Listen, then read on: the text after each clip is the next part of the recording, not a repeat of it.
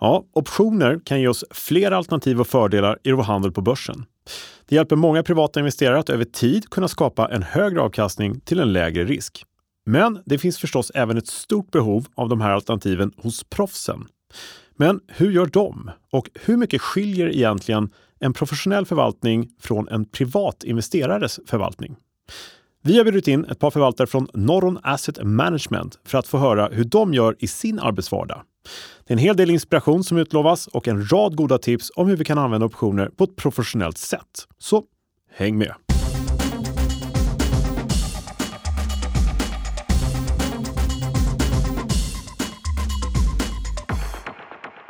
Ja, men välkomna tillbaka till Optionspodden. Podden som ger dig kunskaper som ingen privat eller professionell investerare på börsen bör vara utan.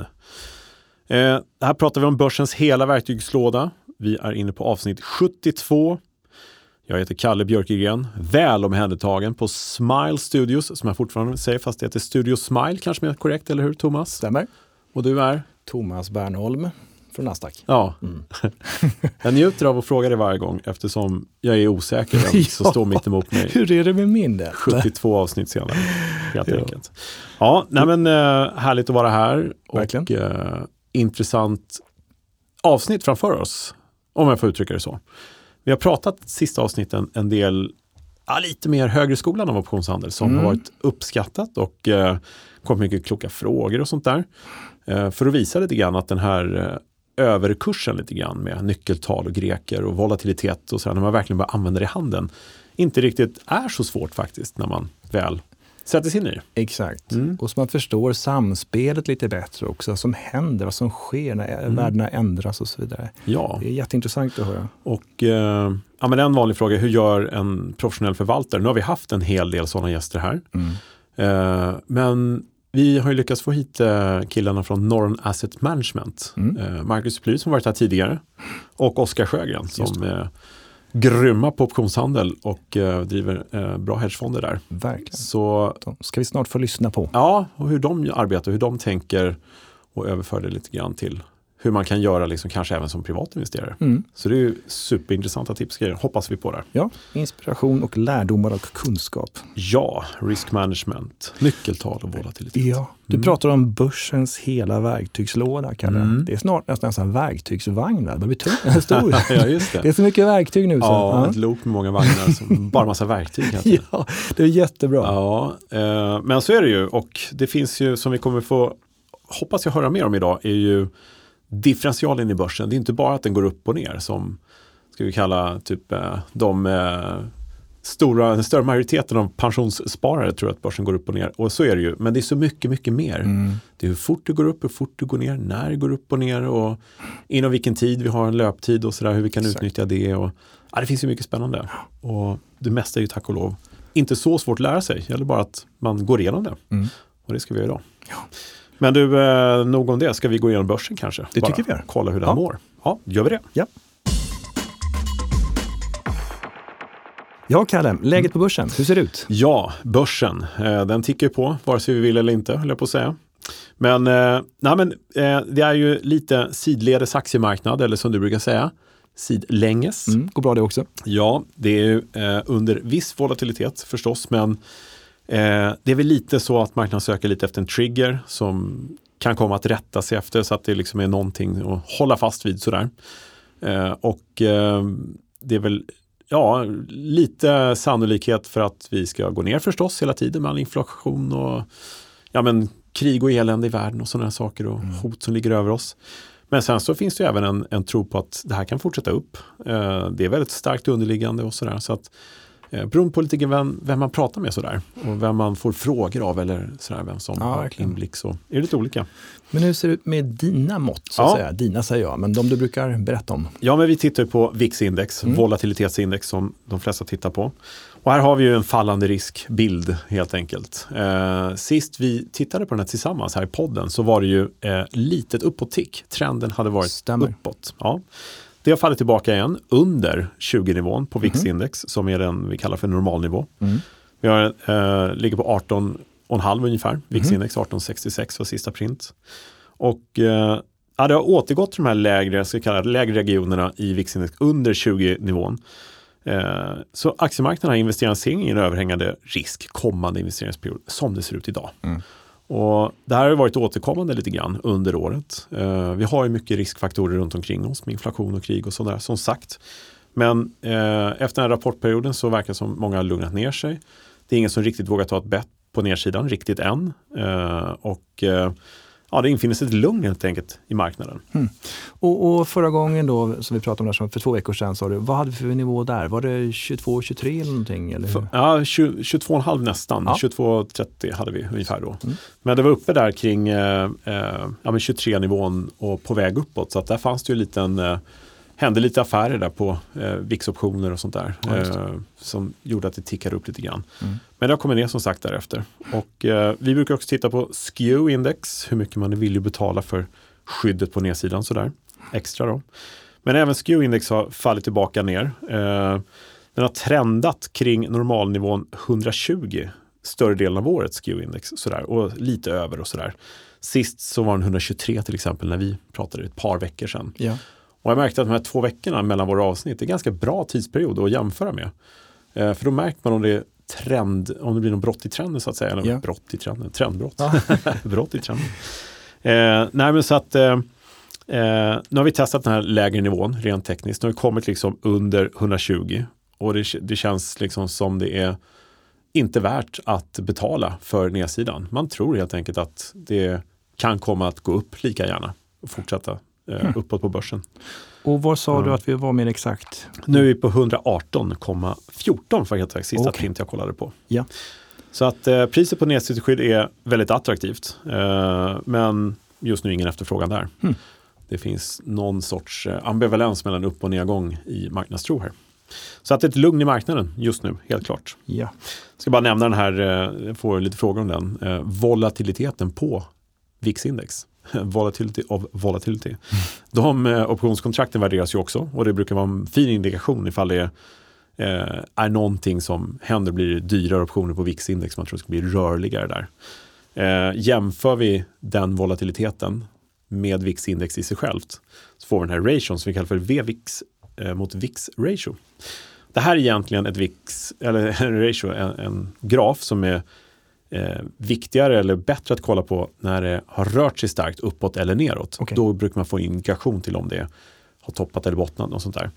Så här har vi inga stora, här ligger just nu på 4,1 eh, ungefär.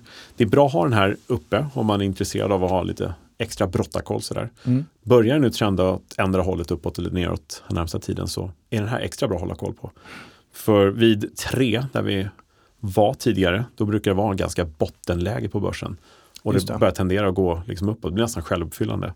Kommer vi över 6-7 här någonstans, speciellt vid 7-nivån, då brukar marknaden vara väldigt stark och nästan till överköpt och då börjar liksom hedge, eh, hedgepositionerna liksom vara sådana att de tenderar att eh, eh, utlösa en korrigering. Mm. Ja, det är intressant det där. Ja, men det är lite, lite kul att, att ha med sig det så pass enkelt att titta på tycker jag, så att vi nämner den också. Och den är, vad sa du, ganska oförändrad från eh, för två veckor sedan? Då? Ja, den är typ oförändrad, legat kring fyra, eh, pendlat däromkring. Ja. Så att det är inte så mycket att, att ord om där. Det finns ingen indikation. Det är den milda oron, om man får kalla det, bekräftas av det här. Okay. Så att det händer inte så mycket.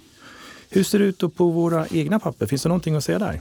Ja, men eh, det är ju alltid kul att titta på vårt e-, eget index och jämföra lite grann. Mm. Eh, vi har just nu en eh, låg volatilitet på 17,1 på som är senast idag, då, implied volatility på OMX-index. Eh, historiskt har det inte rört sig eh, lika mycket. Det är bara 16% historiskt. Så att edgen här är plus 1 procent. Ja. Alltså med andra ord ingen betydelse egentligen. Okay. Ingenting ord om. Eh, men det här är förstås väldigt intressant att kolla på när det gäller eh, eh det som jag kallar för edge-listan. Eh, som jag skickar ut lite då och då och försöker lägga upp på bloggen, mm. optionsbloggen.se. Jag tycker man ska jämföra det då, det historiska mot det implicita som vi brukar prata om. Mm och se hur marknaden värderar risken i specifikt det papper man själv är intresserad av. Eh, så får man en god indikation på om det är en plus eller minus edge till exempel. Jättebra. Så ja, gå in och titta där och gör den övningen. helt enkelt. Optionsbloggen.se. Ja, precis. Bra. Men eh, med tanke på marknaden och eh, hur den går, vad är väl inte bättre än att vi ska, ska vi ta in proffsen? Absolut. Marcus och Oskar så ser vi vad, vad de har att säga. Inget att vänta på där. Nej, vi tar in dem. Ja.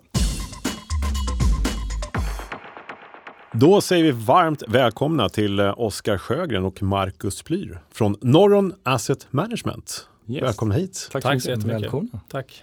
Två gäster här idag. Ja, Ja, känns det är ju premiär. Va? Lyxigt. fyra i studion. Ja, så är det. Hörrni, eh, kan ni bara en berätta lite kort om er själva? Börja med dig, Oskar. Alltså, pekar på Marcus. Ja. Ja, ja, Eh, ja. Ja. Ehm, jag eh, och Marcus har jobbat tillsammans fem år nu på Mm. Norron. Innan dess så um, jobbade jag som valuta och optionshandlare på Handelsbanken. Sådär. Mm. Ehm, ett år så det var inte så jättelänge men, men eh, och innan dess så, så kom jag från skolan så det, där jag läst finansiell matematik och ekonomi. Ja, härligt. Och jag har ju varit på Norron nu i nio år faktiskt snart. Mm. I maj blir det nio år. Så att, ehm, jag har varit med ett tag. De grundades ju 2011. Eh, men i alla fall, jag har varit med sedan nio år tillbaks och började som analytiker och förvaltarassistent åt gubbarna, kanske man inte får säga. Men, eh, Du är själv gubben nu. ja, exakt. Nio år. Ja, och sen nu sedan fem, sex år tillbaks eh, ansvarig förvaltare för, ehm, för en av hedgefonderna och nu sedan årsskiftet eh, ansvarig för eh, egentligen båda hedgefonderna med hjälp av Oskar här. Mm. Ehm, Spännande. och innan Norron så arbetade jag på en hedgefond i USA och ehm, har en bakgrund inom alpin skidåkning där jag också jag studerade i USA och tävlade för ett universitet där. Just det. Mm. Och du har ju faktiskt varit med en gång tidigare i Optionspodden. Mm. Det var några år sedan, något år sedan. Ja, Avsnitt tror det var- 41 har jag för mig eller sånt där. Du vet exakt att det var nummer 41. Nej, jag blev lite osäker för jag sa det. till dig tidigare, du bara, ja, det var det nog. Så här, ja. Men, det, ja, men tiden går, Mm. eh, men det stämmer. Eh, inspirerande redan då. Eh, så att, eh, men kan du bara snabbt berätta en hedgefond för de som är lite osäkra på exakt vad det innebär? Vad det är för någonting? Absolut, det finns ju begreppet hedgefond är ju Många tror ju att det är en helt black box och Mm. väldigt mycket risk generellt. Men egentligen vad en hedgefond gör och ska, ska göra är att skapa hög riskjusterad avkastning.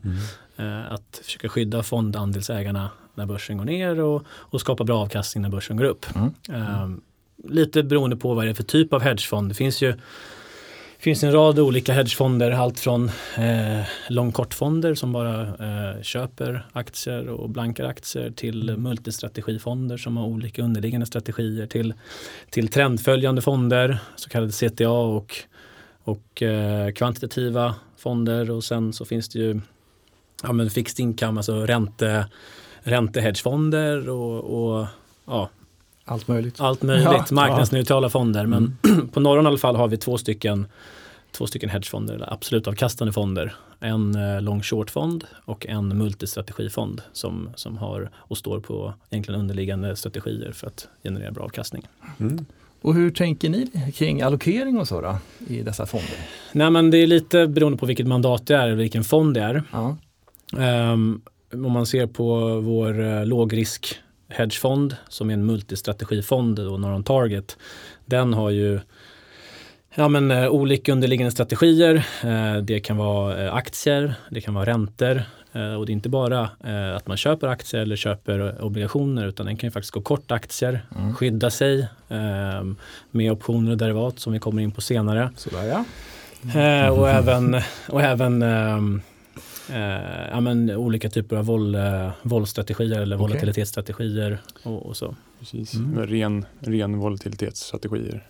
Mm. Ehm, ja, och varians och, och lite sådana saker. ja. Mm. Lite mer avancerat. Lite Ja. ja. Ja, men lite så, lite mer konvexitet. Mm. Ehm, det är väl det vi får åt. Och- Marcus har väl mer hand om som delta 1 då, det som är aktier eller Ja. där det inte finns någon konvexitet. Och det, jag har väl hand om det konvexa, så optioner och de andra grejerna. Just det. Och hur ser ert samarbete ut då? Sitter ni och diskuterar olika strategier tillsammans eller hur, hur ser det ut? Liksom? Jo men så är det absolut. Det, det, är vår, vår, det vi pratar mest om det är väl hur, hur, vi, hur, hur vi ska pos- positionera oss. Ja. Det är väl vår nettoexponering mot just aktier. Eh, och hur allokeringen mellan räntor och, och aktier ska se ut. Framförallt då i targetfonden. Select har ju bara eh, mer eller mindre eh, aktier i sig. Mm. Nej, men och, um, och uh, i och med att det är en låg risk um, hedgefond. Mm. Så när jag säger låg risk så har den betydligt lägre volatilitet än, än aktiemarknaden. Och det som är bra med, med en hedgefond är ju att man har friare investeringsmandat. Eh, till skillnad från en, om man köper en aktiefond så är den lång aktier och har ett mål att slå börsen och om man köper en räntefond så har man ett stabilt carry men det, det är långprodukter. Medan en hedgefond kan ju faktiskt använda sig utav olika underliggande tillgångslag för att, för att skapa en okorrelerad avkastning men även eh, för att skydda sig vid nedgång eh, till exempel. Tjäna på rörelse i börsen helt enkelt. Exakt. Om det går ner och alla möjliga olika fadäser som kan handlas så ska den fortfarande tjäna pengar. Precis. precis. Och då kommer den ultimata frågan, skulle ni klara er utan optionshandel? Då? Nej, men det är ju... Nej, det skulle vi inte göra. Nej, absolut inte. Snabb, snabbt svar. Snabbt svar. Ja, Nej. nej. Rätt svar. Rätt så precis. Ja, ja, ja. Nej, men, Annars har eh, vi klippt bort det där. Ja, ja direkt. Nej, men, eh, eh, det är ju lite så, det är ju inte ens handlar om det. En hedgefond behöver liksom, eh, alternativa produkter för att kunna skydda sig på nedsidan och förstås tjäna på att det rör sig mycket, volatilitet och sådär. Mm. Men hur kommer ni fram till eh, den sortens eh, förvaltning om man säger så, den konvexa som du sa till exempel. Sitter ni och diskuterar sinsemellan att ni tror kanske att eh, marknaden ska bli rörlig framöver eller och då gör ni någon specifik strategi eller hur kan det se ut? Ja, det kan se ut olika, men eh, framförallt så eh, beror ju på optionsskyddet beror ju på hur volatilitetsnivåerna är, hur Mm.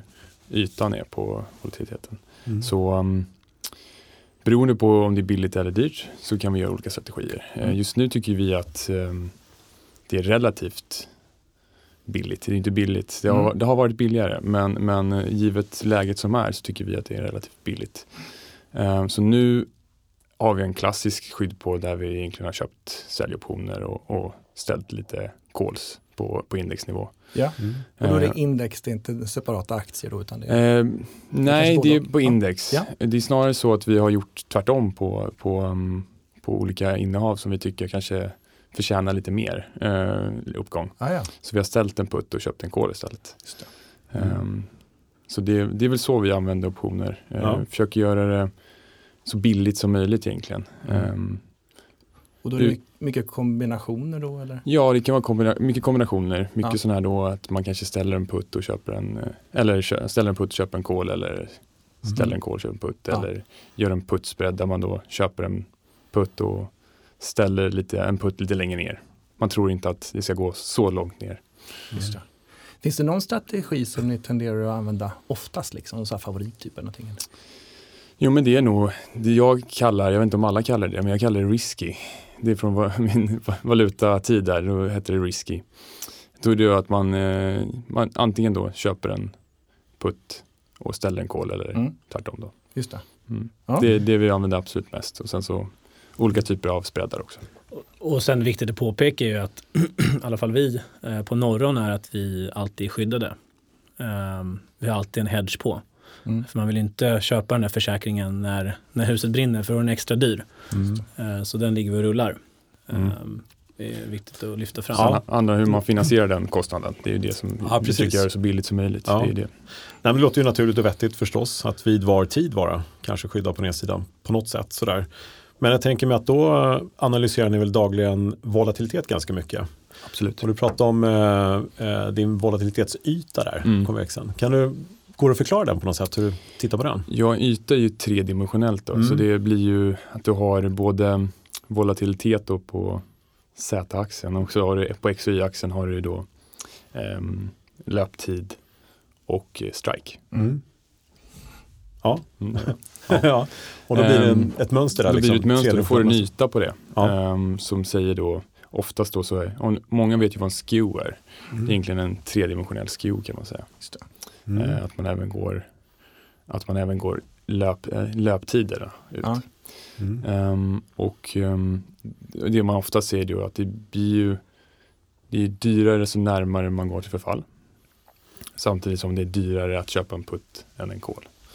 Det, det är strukturen på, sen kan ju den förändras Mm. och vara olika eh, brant eller liknande. Så det, det är väl det vi kollar på, eh, var någonstans man, man ska köpa skyddet, vilken löptid och eh, vad för typ av, eh, hur nära striken kan vi kan komma utan att, att det blir för dyrt. Mm. Eh, och är den väldigt brant så kanske det är, vä- det är lönsamt att köra en putsbädd. Är, den, eh, är skewen väldigt låg så väldigt effektivt att kunna ställa en call och köpa put Ja, istället. just Så lite så vi tänker vi. Mm. I att använda ytan, Ja. göra det så billigt som möjligt. Intressant. Och man översätter det lite grann till ren och skär marknadstro. Sådär, att, eh, här och nu så kan vi tänka oss att det är hyfsat billig nedsida. Sådär. Mm. Vi leker med den tanken att det är inte så jättedyrt eh, som det har varit tidigare. Och så Nej. tänker vi oss att vi tror att det ska bli lite stökigt. Sådär. Mm. Det blir värre. Någonting händer. Putin någonting och sådär. Ja. Eh, hur ser den där liksom, ytan ut då? Är det någonting, tittar du bara på ytan så att säga och ser att nu kommer det här bli, ser du någonstans att det blir dyrare liksom, längre fram? Givet att någonting händer eller är det att ni fortfarande snackar ihop er om en marknadstro? Om att nu är volen låg, nedsidan är billig men vi tror den blir dyrare för att det blir stökigare i marknaden och sådär. Och Absolut. då utgår ni från era, Absolut, det man känner, ju, det man känner på i en option är inte bara rörelsen utan det är också hur volatiliteten rör sig. Mm. precis. Det Ja. Vega då. Ja. Ehm, så du kan, givet att du tror att det ska gå ner så tjänar du pengar både på rörelsen ner Mm. och om det, volatiliteten går upp. ja, just det. Så Precis. det är, ju- det är ju både ett bett, genom att köpa en säljoption så, så um, bettar du både på att volatiliteten ska upp Mm. och att index ska ner. ner ja, precis. Indirekt. Och eh, när väl väljer strikes där, Mm. nyfiken, om det säger att det inte riktigt blir som ni tror, sådär. Känner ni att ni har ett, skydd liksom i själva nivån på index? Som ni sa att det kanske inte går så långt ner, Mm. inputspel till exempel, den nedre striken sådär. Mm. Är det så ni tänker lite grann, att det är liksom där någonstans är en gräns som vi tänker oss se? Nu har ju vi, om vi pratar target då, så har vi olika strategier som ska liksom kicka in lite olika, vid olika tillfällen. Ehm, så skulle börsen vara ner 15% härifrån så, att säga, så eh, förhoppningsvis då tjänar vi också väl, bra pengar på vårt, eh, vårt volatilitetsskydd som är ren volatilitet. Just det. Eh, och då, då har inte vi det behovet av att över ehm, skydda Nej, tailsen Okej. då, det är ett tailskydd kan man säga. Det. Den här, tänk ett covid-nedgång, Just det. 10% ner på en dag. Och när du säger tails, det är verkligen out of money då? Liksom. Långt. Ja. Eh, Ja. De som kanske kostar en krona. Mm. och att optionsvärdet det sticker iväg med att volatiliteten ökar. Exakt. Om det blir stökigt på Mm. nedsidan sådär, så har ni in det också. Sådär. Exakt. Ja. Det låter jättevettigt. Jag tänker i termerna, kan man använda den här sortens tänk och förvaltning som privatinvesterare? Och skulle det vara möjligt? Eller är det någonting som ni känner är... Absolut. Det är, jag handlar faktiskt, eh, det som, som handlar, vi handlar optioner ofta genom att fråga olika banker. Mm. Eh, för vi har ju lite större volymer. Eh, men från tid till annan så handlar jag även själv. Mm. Eh, och det kan ju vilken privatperson göra. göra. Mm. Lägga sig någonstans runt midpris på en, på en option och kunna handla Mm. på en gång. Exakt. Där man kan få in absolut den volymen som en privatperson Mm. kan tänka sig handla. Ja men precis. Så det finns Så. absolut volym där att, att handla som Mm. en privatperson. Mm. Då kanske man bara ska tänka att man inte ska, om man nu vill köpa den, att man inte lägger sig under biddet utan att man kanske om man vill ha in den här nu så lägger man sig lite över mid så får man in den där optionen oftast. Exakt. Man behöver inte köpa på säljkurs. Nej, Det är nej, många exakt. som tror. Så det är jätte, superbra Mm. tips. Mm. Sådär ju. Absolut. Mm. Nu nämnde du Vega som en av grekerna då. Mm. Är det någon av grekerna som du känner extra, eller som ni känner extra viktig sådär? Eh, Är det framförallt Vega, alltså Delta kanske är det primära eller hur, hur ut? nu, som vi pratade om tidigare när man gör en struktur så, är- så är det ju framförallt då eh, deltat, gammat, tetat eh, och vegat som, eh, som man kommer titta på. Ehm, det är ju en det är ju en ehm, att vara allt för lång vega kan, både, kan kosta väldigt mycket också. Ehm, så det är egentligen det, det vi kollar på är ju att ha bra gamma när, när, när saker och ting går ner så att Mm. säga. Så därför vi alltid har ett, ett, ett, en option, en säljoption på nedsidan. Sen ska inte det kost- kosta så mycket, det vill säga tetat ska inte vara allt för högt. Ehm, och det gör vi ju genom att kombinera då, genom att sälja någonting också, genom att få ner tetat. Just det. Eh, och på så sätt får man ju också ner vegat. Ehm, ehm, så, det, så, så fort man säljer en option så, så, så säljer man gamma, får Ja. in teta och säljer vega. Just det. Jag kanske ska reda ut lite grann. Så att man köper premium och betalar Mm. pengar helt enkelt. Mm. Då blir man lång gamma och man är lång volatilitet, lång Exakt, vega helt enkelt. vega, ja. för att om volatiliteten stiger då Mm. ökar ju optionspriset Mm. så blir man Och deltat är det, den premien du får in då. Ja, exakt. Utdelat över olika dagar Ja. kan man säga. Ja, det är superintressant och det är ju eh, kanske inte så här supermånga eh, privatinvesterare egentligen som tittar på nyckeltalen men vi tycker att de ska göra det mer. För det är ju Mm. superhjälpsamt förstås. Framförallt eh, tycker jag att folk ska ha koll på just eh, vegat och volatilitetsnivåerna. Mm. Det kan ju vara så att en privatperson, nu har det varit många sådana exempel i USA, eh, där, man, där det har kastats in pengar i olika typer av koloptioner på, ehm, av privatpersoner. Där man kanske har fått, fått rätt på, på riktning, men man förlorar pengar ändå. För att eh, volatiliteten totalt dör. Ja. Ja. Eh, och då blir, det blir folk lite konfunderade tror jag. Varför, varför, jag fick ju rätt men Ja, Så- precis. min option är värd mindre Mm. fast, fast Tesla kanske har gått upp 10 procent. Ja, exakt. det finns lite sådana exempel. Det, det, är det, det är viktigt att ha koll på faktiskt. Mm. Ja, superbra. Eh, jag vet att ni tittar även på lite andra alltså, nyckeltal som eh, Vanna till exempel. Ja, Eh, ja men det är ju... det Och det har vi, vi- nog- förlåt, det har vi nog Ja. inte tagit upp tidigare heller. Nej, men det, det här är lite kul, det är superintressant. Det finns ju ganska mycket nyckeltal om man bara vill. Mm. Man kan kombinera, allting handlar om den här eh, differentialen i optioner, tycker jag ju att det är, det är tid Mm. och det är nivåer och det liksom är sannolikhet för att ska upp och ner Mm. innan förfall. Och till exempel, eh, du mäter då, kan det vara volatilitet mot delta och sådana saker och se liksom hur det kan ändra sig och sånt. Vanna kan man ju säga hur ditt delta förändras när volatiliteten Mm. rör sig. Exakt. Så att um, om, man, om man tänker på, jag vet inte om vi har pratat om det tidigare, men market makers, det är, ju- varför det är intressant att kolla på dem är ju för de har de största böckerna och alltid egentligen delta hedgar sig, det vill säga får de ett negativt delta så köper de alltid marknaden. Mm. Ehm, så de är de mest reaktiva spelarna där ute. Mm. Så om vi säger nu att och den, den, standardpositionen hos dem är att de alltid är kort en putt, eller korta put-optioner Mm. och så har de långa call-optioner för det är det deras, eh, deras kunder alltid vill. De vill alltid kunna eh. Mm. skydda sina portföljer. Ehm, och vad händer då om index går ner samtidigt som volatiliteten går upp? Jo, då ökar deltat på den här put-optionen. Eh, så då måste de sälja, sälja terminer. Det är det som gör att vi får större rörelse när de är det vi kallar då negativt gamma, har negativt gamma. Mm. Gamma Eh, squeeze. Gamma squeeze, precis. Liksom, sådär, precis. Och det är ju inte, det är inte bara en gamma squeeze utan det är också en vanna squeeze egentligen. Mm. För när, när, säg att en market maker blir kort den här kolen i Tesla. Då måste han ta in den också. Mm. Och eh, då, då ökas volatiliteten. Han vill köpa in tillbaka den där. Exakt. Och då får den högre delta och då måste de köpa ännu mer. Mm. Så blir det gamma squeeze på det också. Ehm, så det är, det är mycket där ute. Och sen så, så eh, pratar, vi, pratar vi om eh, charm också. Ja. Och det är ju framförallt när optionen går mot förfall, de sista veckan kanske. Och det är ju egentligen då, om vi tar återigen det här exemplet att de är korta då en, en put-option så kanske den har en 20 delta, två veckor kvar. Och den 20 delta ska ju gå, den är alltså out of the money, så en 20 delta ska ju gå mot noll. Mm. Så hela tiden under den här perioden så måste de köpa tillbaka aktier eller index som de är, som de är korta. Och då trycker ju sakta men säkert då upp, Ja, upp Mm. börsen. Så de här flödena är ju, är ju man kallar dem vanna och charmflöden. De är väldigt, eh, styr börsen väldigt mycket. Ja. Och det är ju enormt vad det kan påverka faktiskt marknaden, Mm. speciellt med sista tredje veckorna eller när Mm. förfallveckorna. Liksom. Fallveckan är Eh, Så att även om man inte handlar optioner så är det ju faktiskt väldigt bra kunskaper att ha. mm. Är det ju. Mm. Så kan vi titta mer på. Ja, verkligen. Ja. Som du sa, deltat går ju mot noll respektive ett ju i närmare Mm, förfall du kommer. exakt. Så att det, och, och då är det bra att det finns ett mått som visar lite. Exakt. Mm. Mm.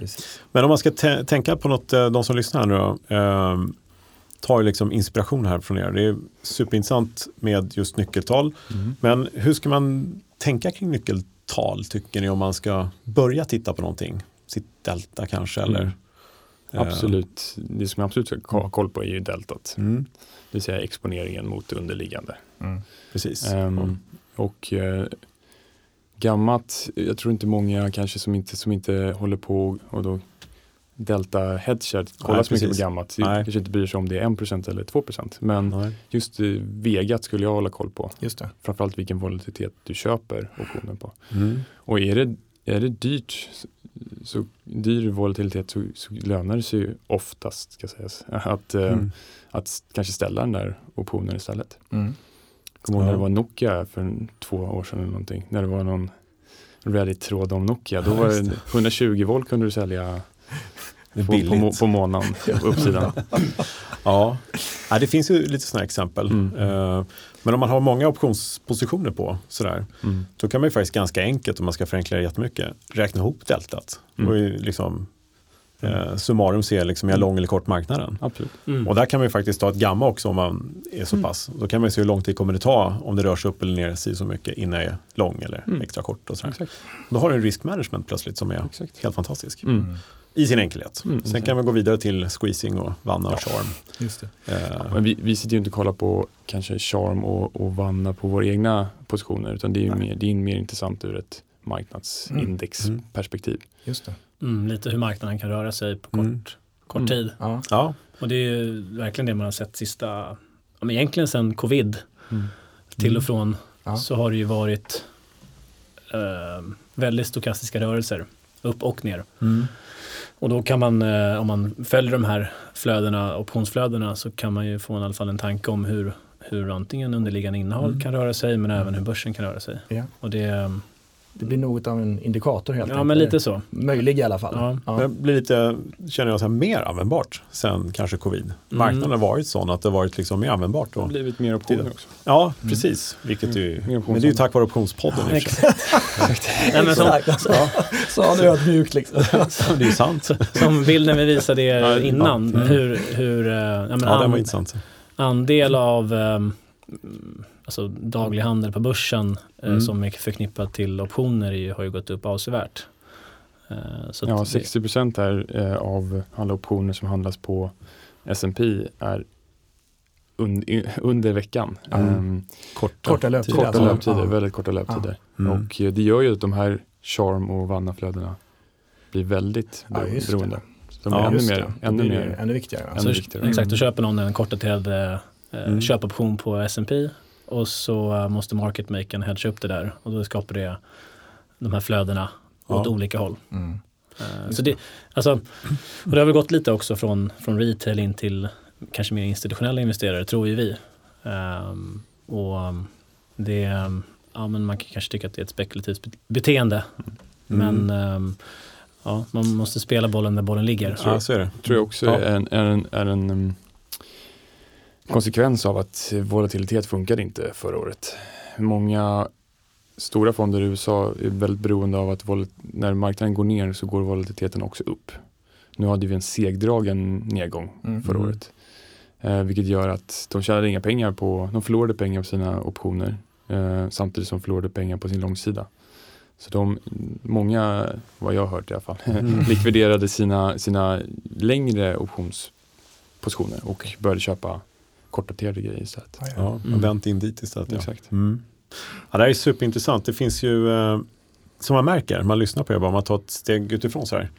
Eh, det finns otroligt mycket att lära sig Mm. och räkna på och se liksom en, eh, allt från konvexitet till eh, liksom differential i hela marknaden. Det är så mycket som rör sig hela tiden och spekuleras i. Så bara där har vi en god anledning till att titta lite närmare på nyckeltal. Mm. Men om vi pratar marknaden som så, eh, hur ser ni på marknaden just nu? Utan att, exakt vad är er marknadstro? Jag kan Nej, men- börja. Ehm, nej, men vi, och det kan man vara ärlig med att säga, vi, eh, vi gick in i året med en ganska negativ eh, syn på marknaden. Mm. Och sen så går aktiemarknaden upp 5-10 procent beroende Mm. på vad vi är. Ehm, och jag, och det är väl drivet då av en viss del sådana här vanna, vannaflöden. Eh, även CTA, alltså kvantitativa fonder, har köpt. Mm. Och sen så har vi faktiskt sett Kina öppna upp och lite drivet av det fundamentala. Men, men nu känns det som att den, den traden är lite gjord. Ja. Och ehm, här om man bara går, tar ett steg tillbaka så att börsen är upp kanske 10-12% på ett år.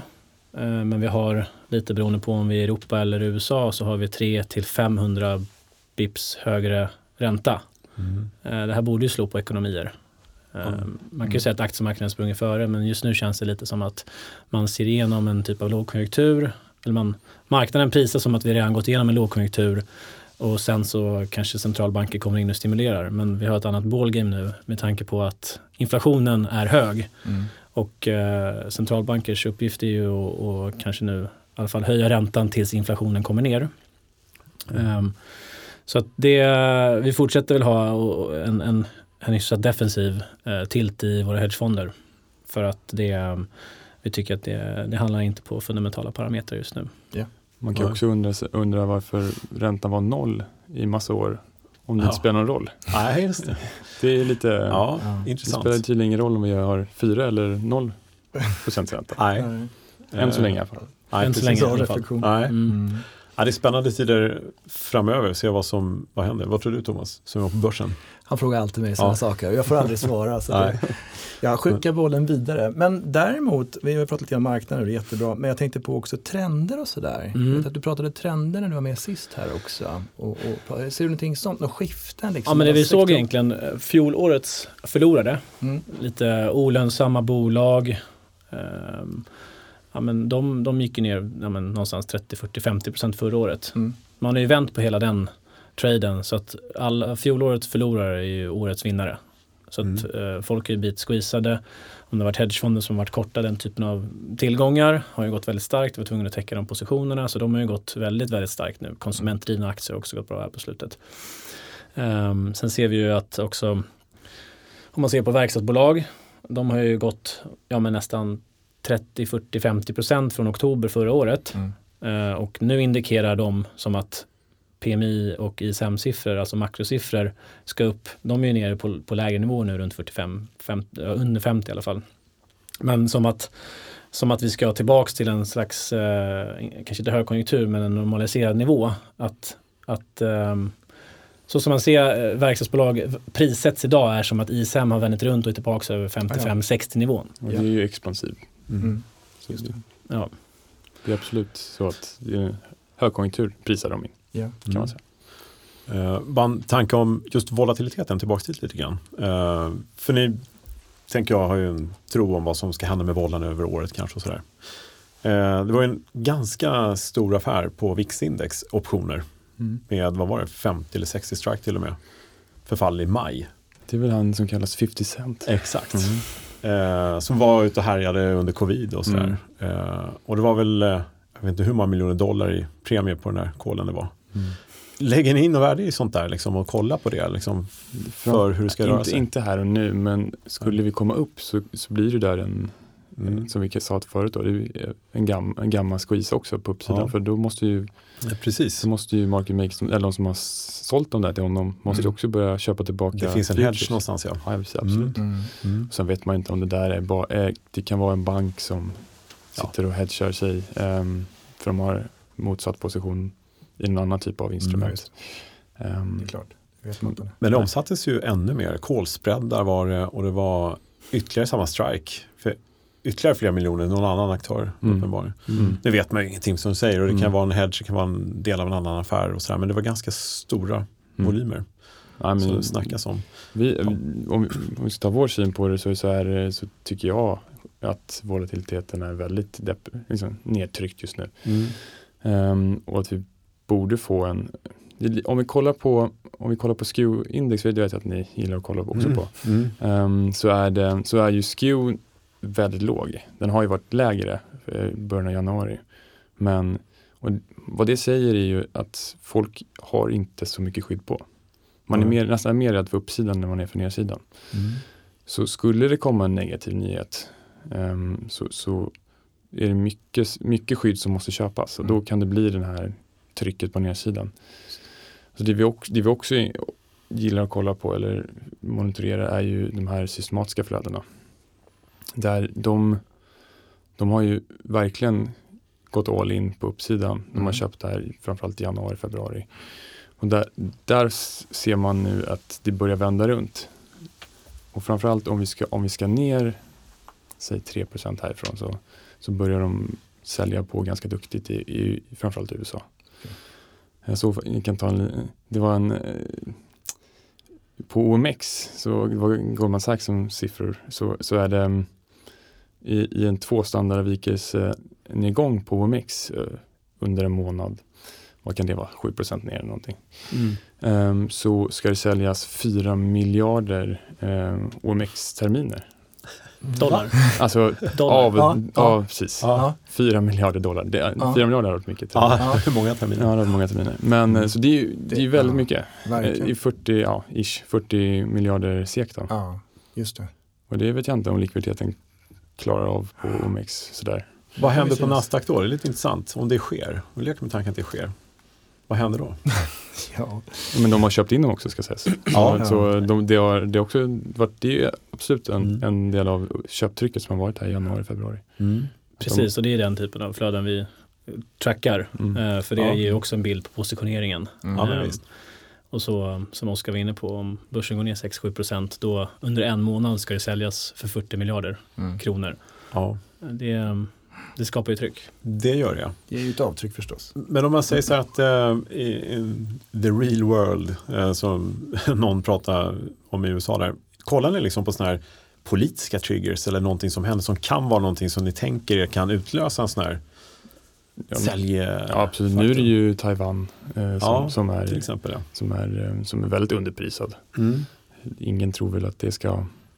Man kanske tror att man ska få samma typ av varning som man fick i Ukraina. Mm. Att det tar en månad innan det verkligen bryter ut.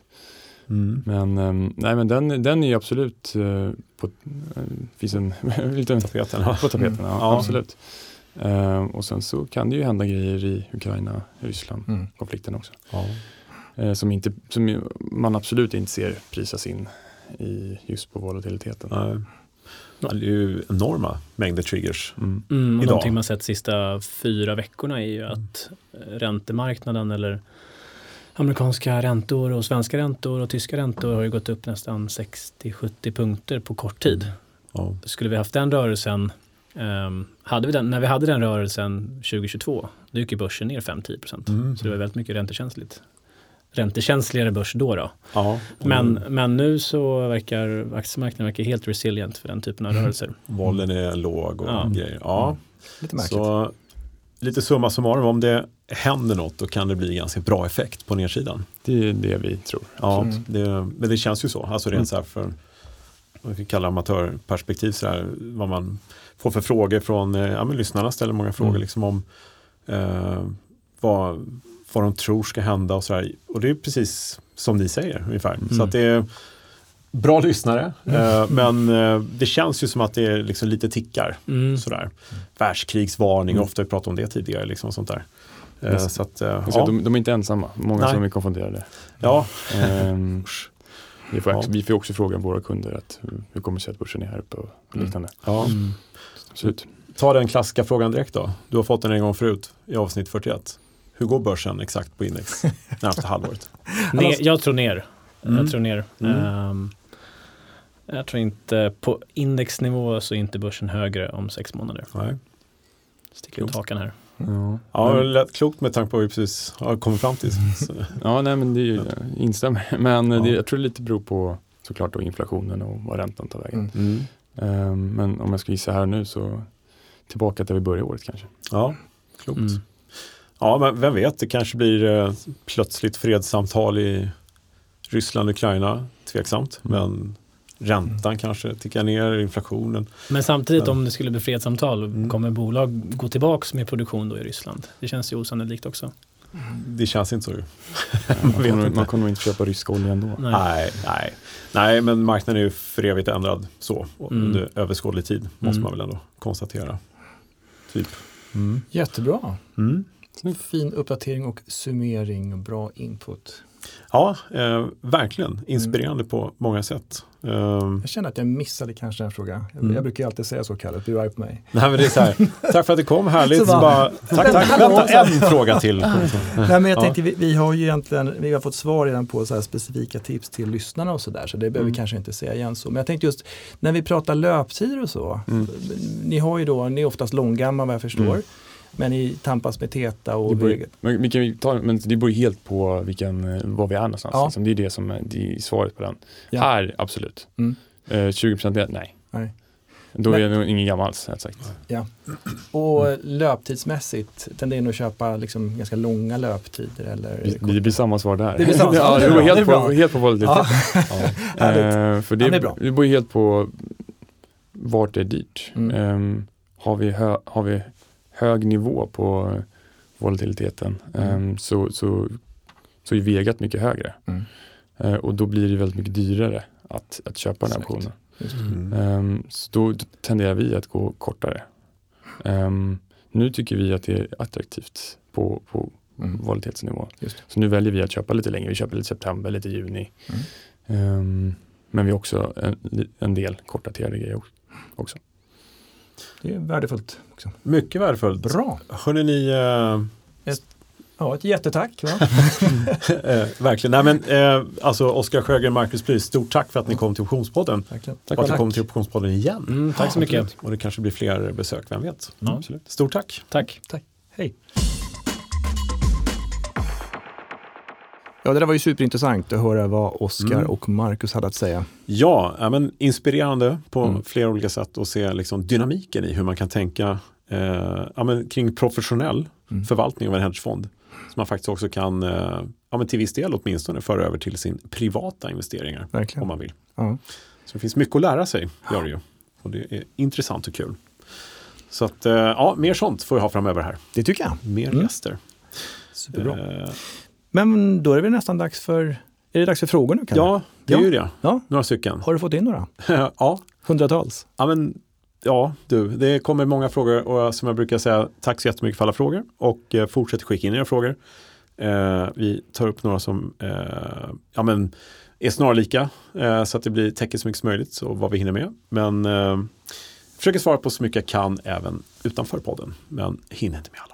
Tyvärr. Men Tom frågar till exempel så här, eh, vad är egentligen en syntetisk position som ni har nämnt ibland? Ja, vad är det för någonting då, Thomas?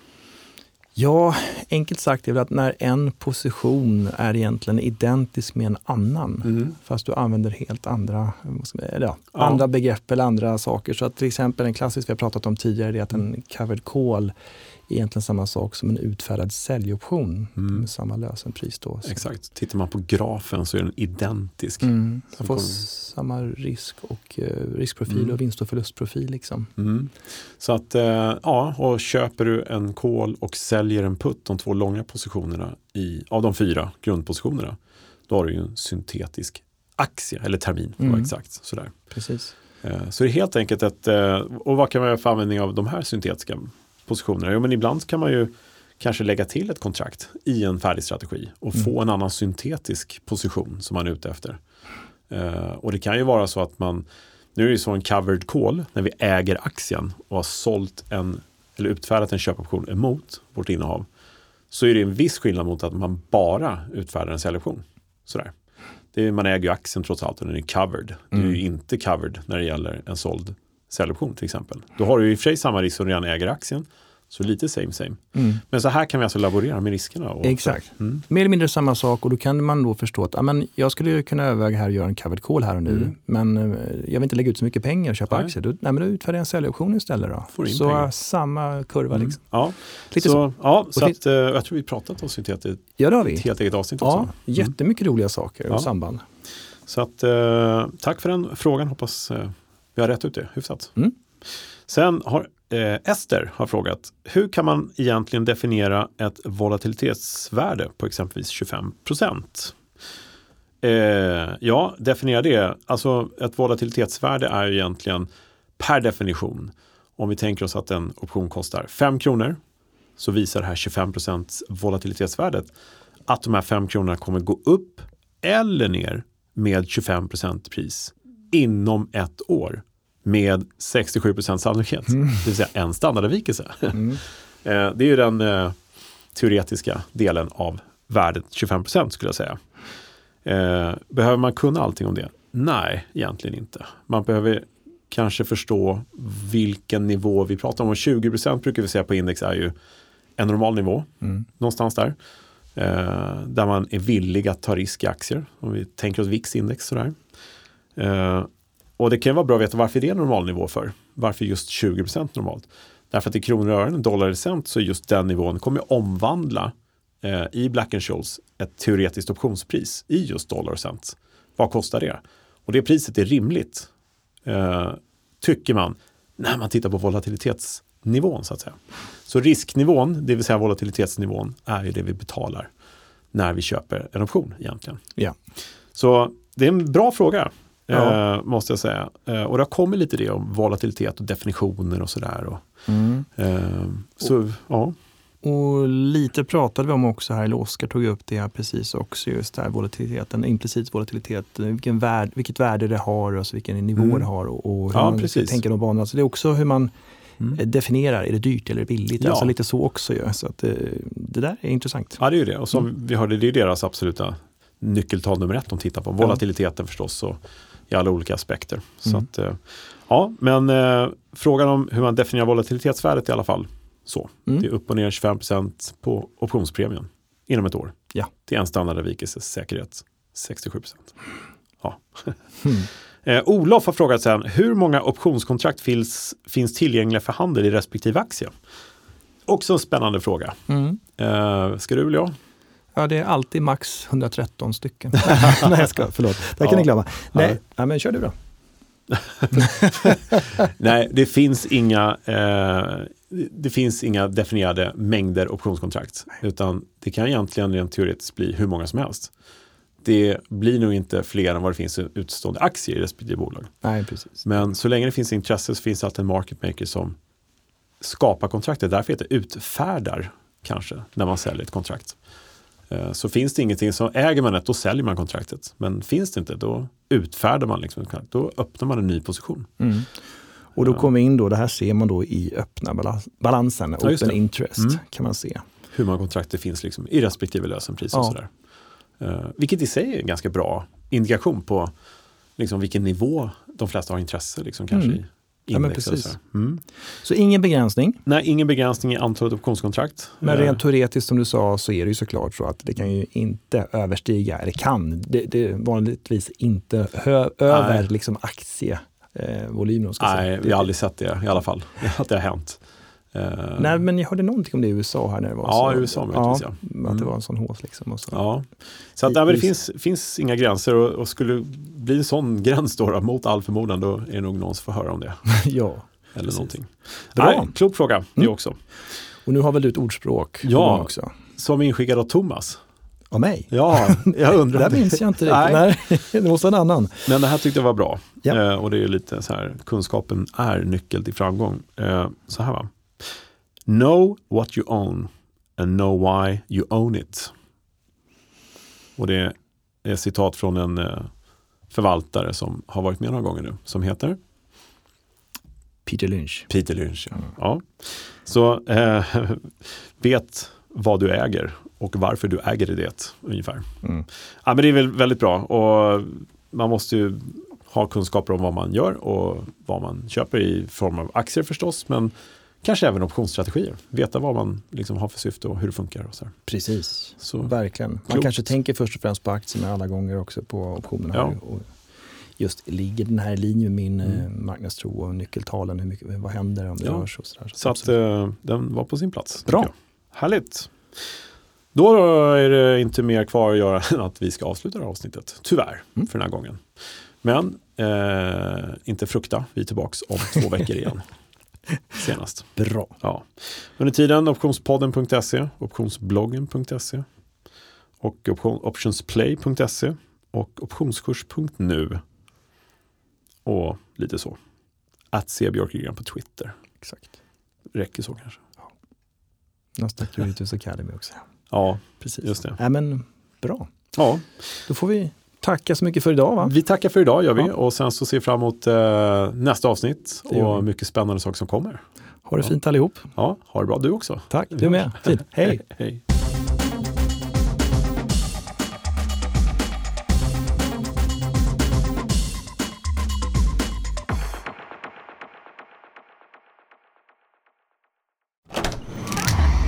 Smile. Den här podden spelas in hos Smile